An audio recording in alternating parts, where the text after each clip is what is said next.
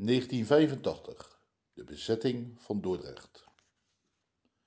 De eerste mij bekende straatbende in Dordrecht was de Tila Clan. Voornamelijk bestaand uit Indo's, gevestigd in de wijken Krabhof en Sterrenburg. Ikzelf was eerst een gewone hangjongere die rondhing op het plein van de school de Meridiaan in de Kinkelburg. Rond mijn zestiende heb ik mij aangesloten bij de Regenboogstraatgroep. Die ging al snel op in de Sterrenburgbende. En daar voegden de Warriors uit Oud-Crispijn zich bij. En later de Kuilboys uit het centrum.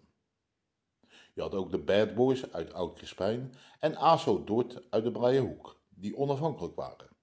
Maar waar we gewoon mee mengden. Ook was er dan nog de groep van de Vogelbuurt, wat oudere jongens. Die deden hun eigen ding.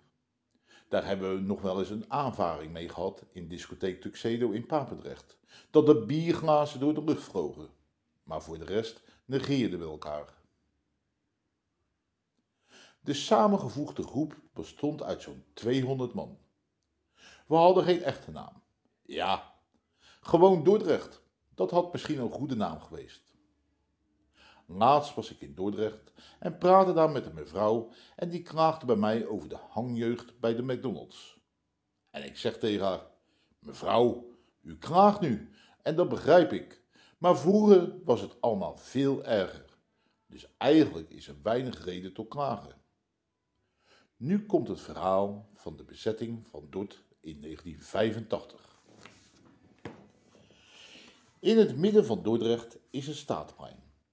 Een rondje Dordrecht houdt in dat je een vierkantje in de straten gelegen om dat plein liep. Waar nu de markt is, was een grote parkeerplaats. En waar nu die grote woontoren is, was een pleintje met op het plein een cirkel met stenen muurtje omrand. De kuil. En daaromheen een paar houten keten met winkeltjes erin. Wij liepen altijd wel een beetje door de stad, maar de koopavond op donderdag was toch onze ontmoetingsavond. De Cowboys hadden zich het Statenplein al toegeëigend. En toen de groepen zich samenvoegden, werd het drukker. Eerst 50 man, een week later 100 man. En uiteindelijk stonden we daar met onze volledige sterkte. 200 tot 300 jonge mannen en vrouwen en aanhang. De winkelroute was in Dordrecht zo dat je wel langs het Statenplein moest om te kunnen shoppen. En wij stonden daar dus. En je kwam er niet langs dus. Wij hadden de stad bezet. Die was van ons. Wij blij, de rest van Dordrecht niet. Er is een algemene politieverordening van gekomen dat je niet mocht rondhangen in het centrum. De daaropvolgende donderdagavond kwam de politie met honden, mobiele eenheid, motors enzovoorts. We werden weggejaagd. Schandalig toch? Was een openbare plek.